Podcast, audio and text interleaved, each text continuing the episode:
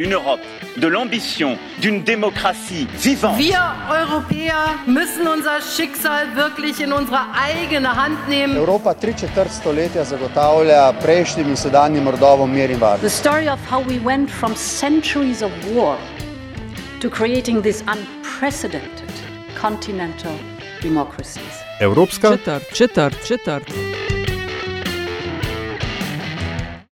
Hrvatska izašla iz arbitraže i njena a, konačna odluka za nas neće biti obvezujuća.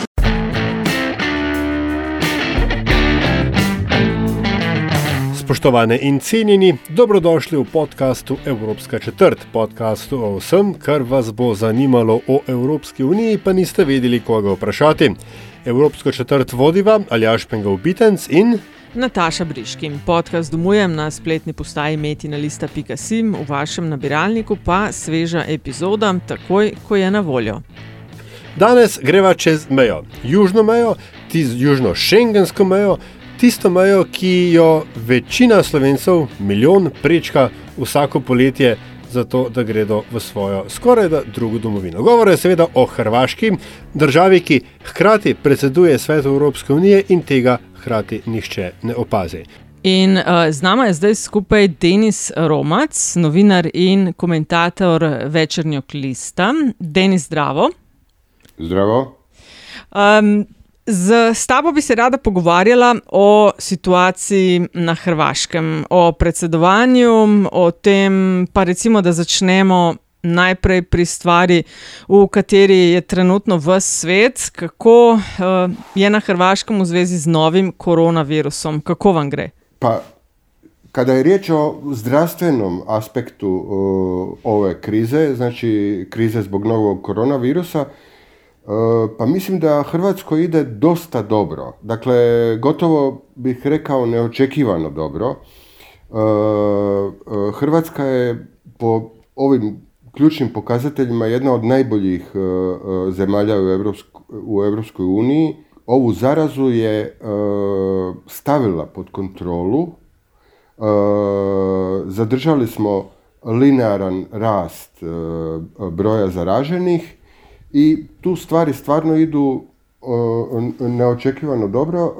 Mislim da je Hrvatska imala nevjerojatnu sreću zbog toga što je svega dva tjedna uoči izbijanja ove pandemije i dolaska virusa u Hrvatsku e, imali smo e, smjenu na čelu Ministarstva zdravstva. Dakle, dosa, e, raniji ministar zdravstva Milan Kujundžić koji je bio izrazito loš ministar, njegov ministarski mandat je obilježio niz velikih skandala. To je jedan ministar sa onako jako izraženim nedostatkom bilo kakve empatije. Jednom je recimo rekao da je ponekad bolji jedan svećenik u bolnici od 20 uh, liječnika. Dakle, on je znači smijenjen dva tjedna prije epidemije i dobili smo novog ministra koji inače bio zamjenik Kujundžiću, ali za njega nitko nije zapravo znao ni čuo. Bio je potpuno nepoznat i pokazalo se zapravo da je to on, onako nevjerojatna sreća s obzirom na to da je dakle u toj ne, nevjerojatnoj situaciji u kojoj se Hrvatska i kao uostalom i cijela Europska unija pa i cijeli svijet uh, uh, našla, uh, dakle on je se pokazao iznimno sposobnim ministrom za tu kriznu situaciju. Okupio je uh, uh, nekoliko vrhunskih stručnjaka i dakle stvorio se jedan osjećaj povjerenja između njega kao ministra i tih vodećih ljudi u nacionalnom stožeru za koronu i građana. I to je u svakom slučaju pridonijelo uh, ovoj situaciji. Uh, uh, kod nas su u zadnjih mjesec i pol dana dakle svi mnogi društveni, glavni društveni sukobi između vladajućih i, opozicije, kulturni ratovi, dakle sve ono što imate i vi u Sloveniji, kod nas je to sve na neki način prigušeno u zadnjih mjeseci pol dana i Hrvatska je velikim dijelom, dakle barem u tom zdravstvenom smislu, odlično reagirala u, u toj situaciji. Znate, Hrvatska je nacija koja voli kolektivne stvari, događaje, obožava kolektivni zanos. Ja mislim da je to povezano sa našim ratnim iskustvom i sa činjenicom da od onda smo mi uvijek dobri u, u, u da li u zajedničkom slavljenju, tugovanju, e, dakle stvarima koje su e, koje, koje obuzimaju cijelu naciju i, i osobito za izvanredne situacije, a ovo je svakako izvanredna situacija, dok smo puno, puno lošiji u onom mirnodopskim stvarima, u, u stvarima koje zahtijevaju upornost, e, organizaciju, strpljenje i tako dalje. Dakle, e, ovo je takva situacija i Hrvatska je e, zapravo osim nekih rubnih incidenata zapravo jako dobro prebrodila ovih prvih mjeseci pol dana krize. Denis, ko omenil si, ne, da je potrebno, oziroma da je pač ta razlika med nekim, neko izredno situacijo, kjer, kot praviš, Hrvaška. Se nekako Hrvati stopijo, stopite skupaj. Ne? Da, in da, potem da. neko navadno, navadno, mirno, mirno, dobno situacijo. Ampak ravno to ne, se je, zdaj prihaja nekako v spredje. Exit strategy. Kako bomo zdaj, kako naprej. Gospodarska situacija, ocenjuje se, je v bistvu posod po svetu katastrofalna zaradi korone. Nekateri upajo, da se bo hitro vrnila nazaj v prejšnje stanje, drugi pravijo, da je to point of no return. Kje je Hrvaška tukaj zdaj? Pač z slovenskega vidika, ne? mi Hrvaško večinoma vidimo bodi si kot našo izvozno partnerico, bodi si kot turistično destinacijo. Da, da, da. Kaj, čak, kaj čaka Hrvaško zdaj po recimo, po sproščanju da. vsega tega lockdowna. Da. Uh, dakle, to je uh, jedna od stvari koja se danas dogodila. Da, zapravo, danas popodne je uh, premijer Plenković nakon uh, užeg kabineta vlade u oči sutrašnje sjednice najavio početak uh, labavljenja ovih restriktivnih mjera Hrvatska će znači početi 27. četvrtog, znači 27. travnja e, i ta e, popuštanja mjera će e, se odvijati u tri kruga. Vidi se zapravo da je da, da, da premijer Plenković, koji inače u cijelo ovo vrijeme, dakle, korona krize se držao u pozadini. I to je isto jedna od, jedan od razloga zbog kojeg u Hrvatskoj nije došlo do prevelike politizacije cijele ove krize. Dakle, on je uglavnom e, prepuštao glavnu riječ ministru zdravstva, e, e, načelniku ovog kriznog stožera. Rijetko, rijetko je stupao i uglavnom se pojavljivao kada bi, kada bi bilo zaista nešto prijelomno. Kada, recimo, premijer je prvi objavio da je u Hrvatskoj prva žrtva korone kad je bila na početku, ali uglavnom se držao po strani. Sada, dakle, u situaciji kada treba donijeti odluku, dakle, da se krene dalje, da se pokuša zapravo kombinirati, dakle, mjere restrikcije, održavanja socijalne distance i ove različite epidemiološke mjere, sa postupnim otvaranjem e, gospodarstva, otvaranjem trgovina i tako dalje, tu se vidi veliki oprez. Dakle, čini mi se da vladajući ne žele napraviti ništa što, što bi pokvarilo dosadašnje rezultate i zato idu u to e, vrlo oprezno. Mislim da e, puno promatraju dakle, što će se dogoditi u onim zemljama koje su već krenule u te mjere, Austrijanci, e, Danci i tako dalje, pa i Slovenija. I e, mislim da, mislim da ćemo još malo pričekati u Hrvatskoj s tim, a s druge strane, dakle, e, da treba krenuti u to, to je, mislim, nedvojbeno. Hrvatska gospodarska situacija je katastrofalna zbog svega ovoga. Dakle, turizam koji je jedna od glavnih hrvatskih gospodarskih grana je pred potpunim kolapsom. Jako puno firmi je u jako teškoj situaciji i u tom pogledu ja mislim da se polako tek sada ovdje shvaća zapravo da je najvjerojatnije ova turistička sezona izgubljena i, i Hrvatska očajnički pokušava dogovoriti te takozvane turističke koridore kojima bi turisti iz Češke da bi dolazili dakle na Jadran unatoč korona krizi. Takvi razgovori su počeli i sa Austrijancima, a opet s druge strane je to povezano sa situacijom u vezi sa suzbijanjem korona krize u Hrvatskoj. Mislim da su naši vladajući svjesni da ukoliko budu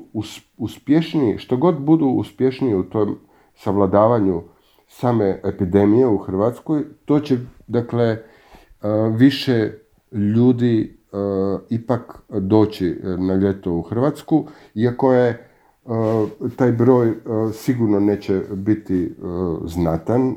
Mislim, to, će, to neće spasiti sigurno turističku sezonu. Mislim da je, mm. da je, da je riječ o simboličnim brojkama. Da, mislim da je to, da, da, Mislim, da, da, mislim da to sad zapravo riječ je o tome zapravo da se samo na taj način pokušava održati neki privid normalnosti, iako kažem, mislim da ljudi shvaćaju ovdje polako zapravo da su skoro neće biti uh, onako kao, kao što je bilo, ako uopće ikad bude bil, uh, onako kao što je bilo. Cena, ki jo bomo vsi plačali, bo brez dvoma visoka, poleg človeških življenj, gotovo tudi, kar se tiče gospodarstva. In kot sam praviš, uh, imaš občutek, da je turistična sezona za.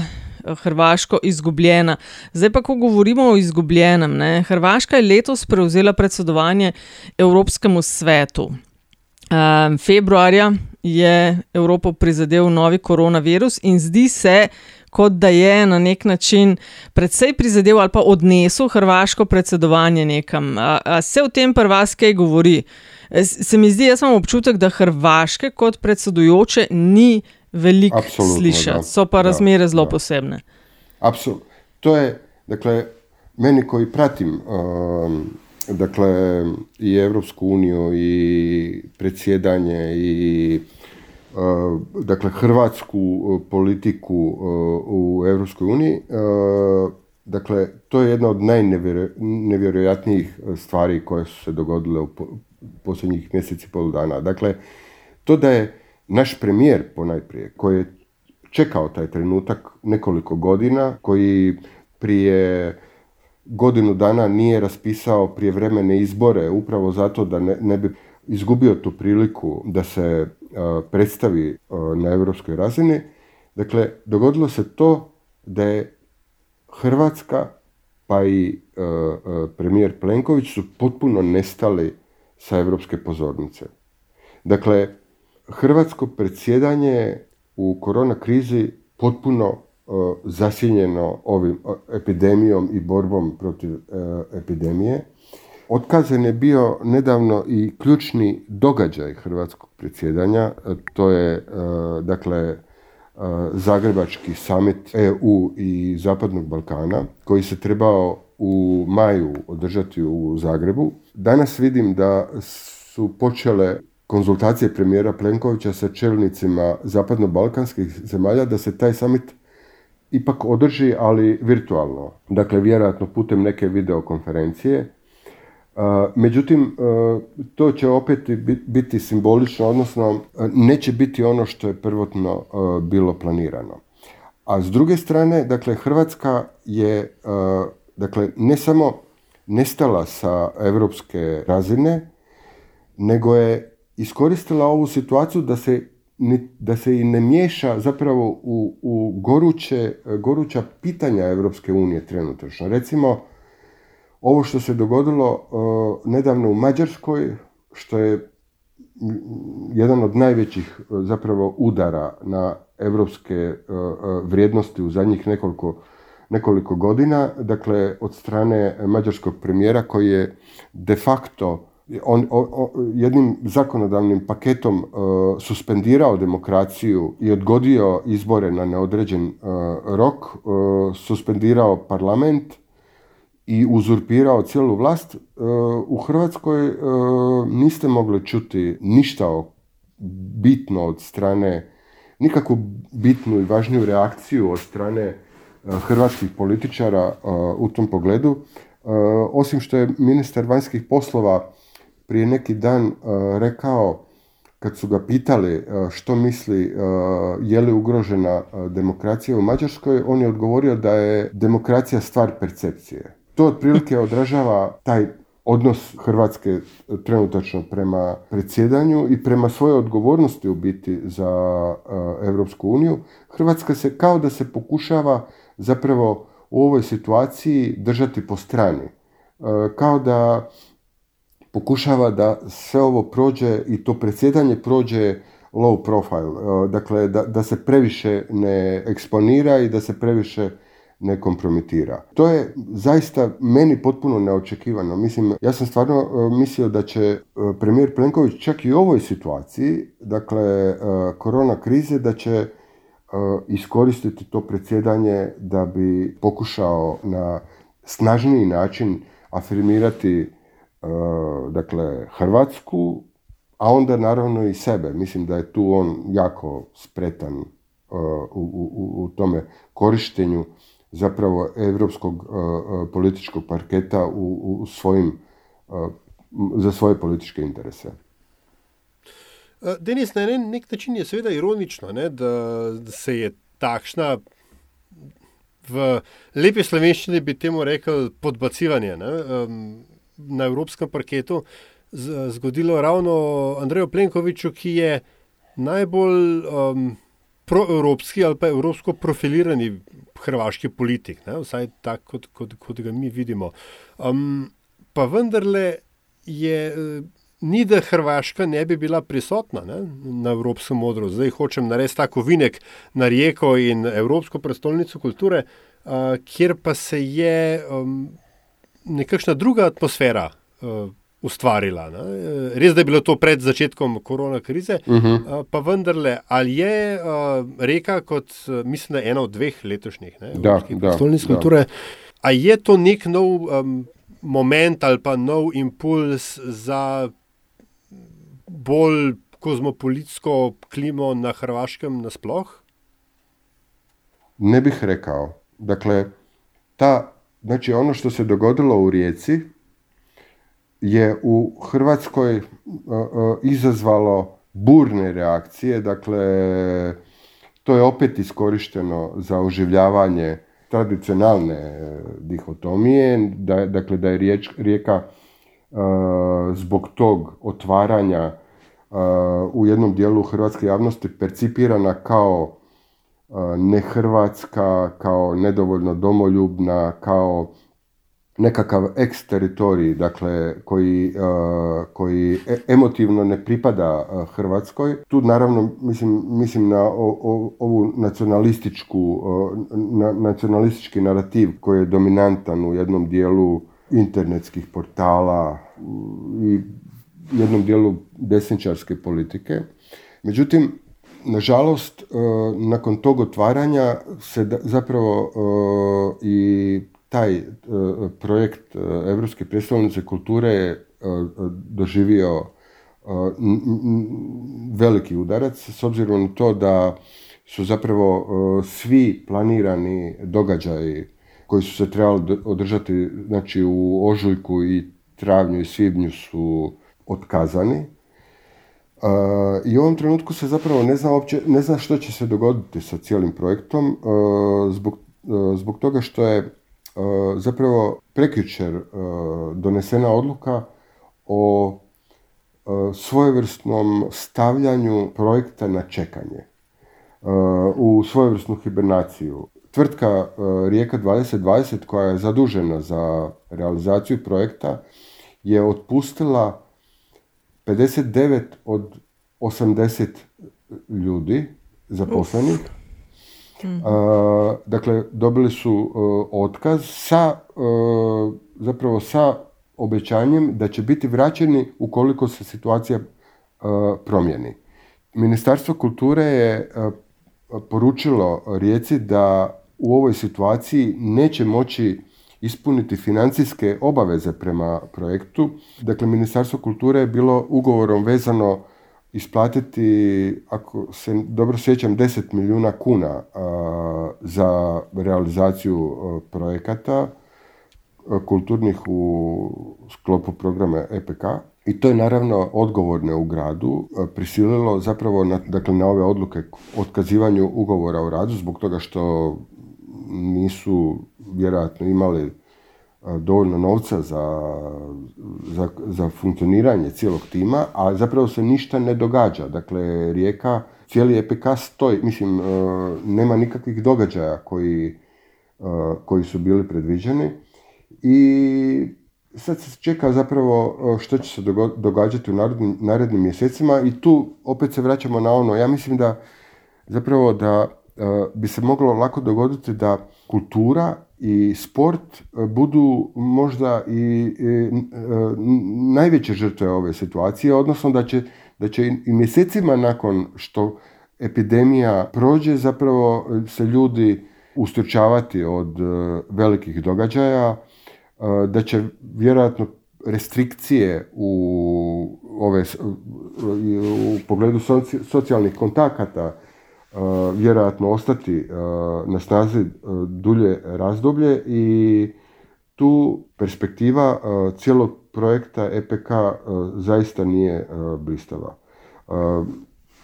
Lako se može dogoditi zapravo da cijeli projekt završi na samom onom otvaranju, međutim usporedbi sa irskim Galwayom koji, je, koji dijeli sa rijekom ovu titulu, recimo oni zbog one oluje koja je pogodila obalu Irske nije uspjela čak niti otvoriti svoje EPK, a drugi pokušaj otvaranja je propao upravo zbog e, e, epidemije koronavirusa. Tako da je Rijeka u usporedbi sa svojim irskim e, gradom, nositeljem te titule, zapravo i dobro prošla.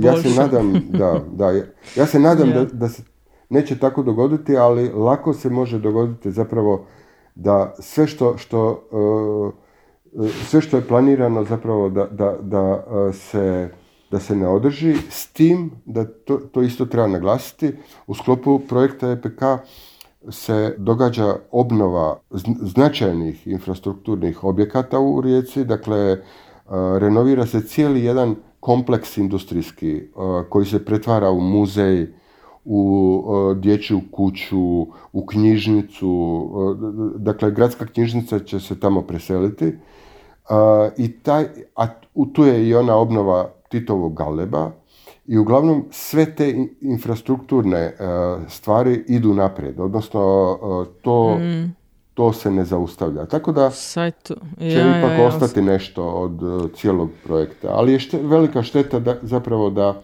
da Rijeka neće imati priliku na planirani način uh, iskoristiti EPK uh, kao, kao tu polugu razvoja, kao tu polugu dakle brendiranja u ovom i kulturnom i turističkom smislu i tako dalje. Nažalost. O, oprosti, Denis, samo me zanima koji je to industrijski kompleks koji će se renovirati?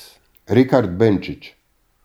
A, to, je, to, je, to je kompleks koji se nalazi u samom središtu rijeke, dakle preko puta želj, željezničkog kolodvora.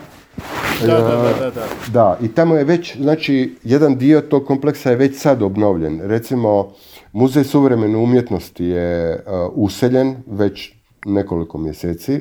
To je vrlo značajna stvar e, za rijeku, s obzirom na to da je rijeka prepuna tih neiskorištenih e, industrijskih zgrada, e, dakle ima nevjerojatnu industrijsku baštinu i ovo je zapravo početak sustavne obnove i stavljanja te baštine u, u, u kulturnu turističku funkciju. To je najveće ulaganje u kultur, kulturu, kulturnu infrastrukturu u Hrvatskoj od osamostaljenja. Hmm. No, Ko smo že, Ja. a, op- oprosti, Nataša, Kar izvoli, ja, ne, ne, kar daj. No, Dobro, ko smo že pri, pri uh, obnovi, ne, obnovah infrastrukture in ulaganjih, um, kaj bo tega, tri tedne, štiri En mesec, je ja. za, mesec, ne, Zagreb stresal precej močan potres. Uh, hvala Bogu, veliko žrtev ni bilo, škoda je tudi bila predvsem na tistem delu mesta, kjer je staro in potresno nezavarovano, ampak kakšno, kak, kakšno je zdaj stanje tam in mogoče, če imaš kakšne podatke, kako je bila ta, recimo zdaj, ko se o njej veliko govori, evropska solidarnost, če je bila kaj na, na Da, ogled da, da. V, v tem incidentu. Da, uh, dakle, reći ću odmah to da ne zaboravim. Uh, dakle, uh, meni je bilo fascinantno vidjeti da zapravo da su u Zagreb, ko- koliko sam ja vidio, a pra- pratio sam i pratim cijelo vrijeme, ja mislim da su samo Slovenija i Italija poslale pomoć. Dakle, Slovenija je e, ispratila nekoliko ka- kamiona pomoći. E, znam, radilo se o šatorima i e, takvim stvarima za hitne situacije i znam da je Italija, bez obzira na to što je u tom trenutku e, epidemija koronavirusa e, u Italiji bila na vrhuncu, e, ova, ova e, Furlanija i Julijska krajina, dakle, je poslala e, isto nekoliko kamiona pomoći s porukom da, da bez obzira na to što im je teško, ali da moraju dakle, prijateljima pomoći u nevolji. I to je, to je mislim, jako puno govori zapravo da su samo dakle, te dvije zemlje pomogle, a iz Europske unije ja, ja, ja nisam uopće vidio da je itko drugi ovaj, na takav način reagirao. Što se tiče samog potresa, danas se baš navršava mjesec dana od potresa. I stanje u, u, u Zagrebu je u tom pogledu katastrofalno. Dakle, još uvijek su ruše- ruševine po, po centru Zagreba, još uvijek su e, gomile dakle, e, urušenih e, zidova, kamenja na ulicama grada. To previše ne otežava e, kretanje ljudi, jako je opasno, zbog toga što, su, što je Zagreb pust e, zbog ovih mjera restrikcije i koronavirusa. Međutim, ništa se zapravo nije ozbiljnije napravilo u pogledu sanacije, u pogledu čišćenja, u pogledu... e, ljudi još nisu dobili konkretnu pomoć kada je riječ o obnovi. Mnogi su iselili iz e, središta grada koji je najpogođeniji i dakle mjesec dana kasnije i dalje se nisu vratili u svoje kuće. Odgovornost za takvo stanje mislim da možemo pripisati dakle modelu koruptivnom modelu vladavine e, Zagrebom od strane dugogodišnjeg e, zagrebačkog gradonačelnika Milana Bandića, a situaciju dodatno otežava činjenica što ministar e, graditeljstva Predrag Štromar je HNS-ovac koji nije u dobrim političkim odnosima sa Bandićem i Bandićevom strankom na nacionalnoj razini.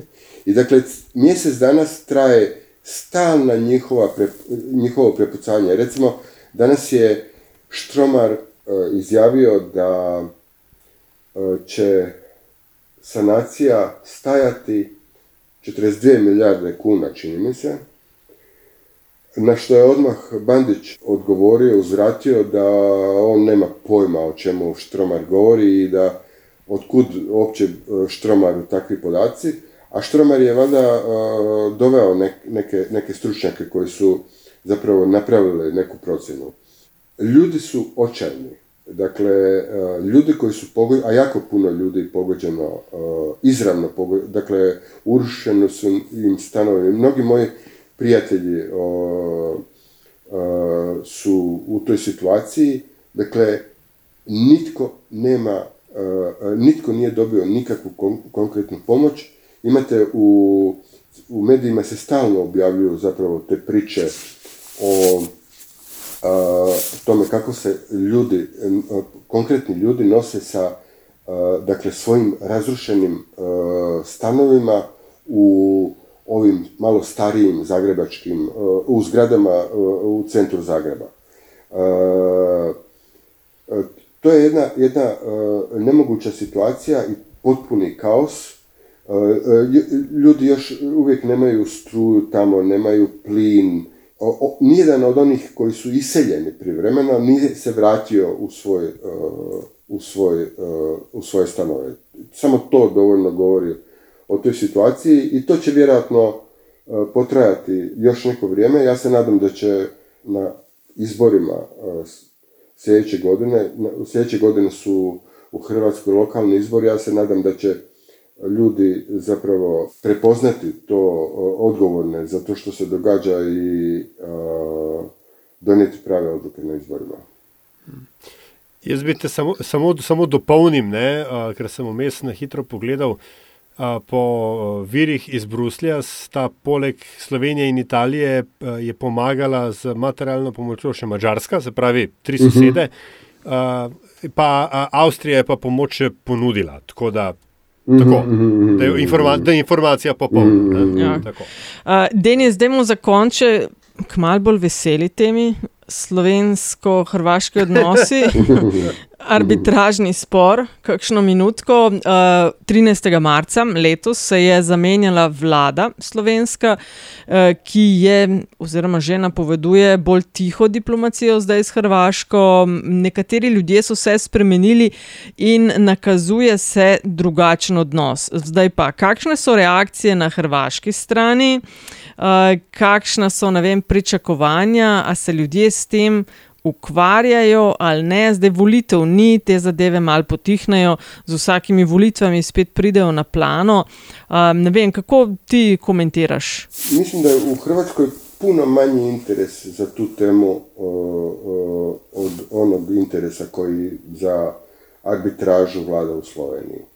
Dakle, u, u Hrvatskoj uh, već nekoliko godina zapravo je jako opao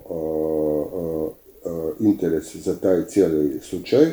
Promjena vlade u Ljubljani i povratak Janeza Janše na vlast zapravo odgovara Hrvatskoj i Andriju Plenkoviću oni su, znači, zajedno, oni su članovi uh, Europske pučke stranke i mislim da tu postoji, na toj razini, cijelo vrijeme zapravo postoji suradnja između njih, komunikacija i tako dalje.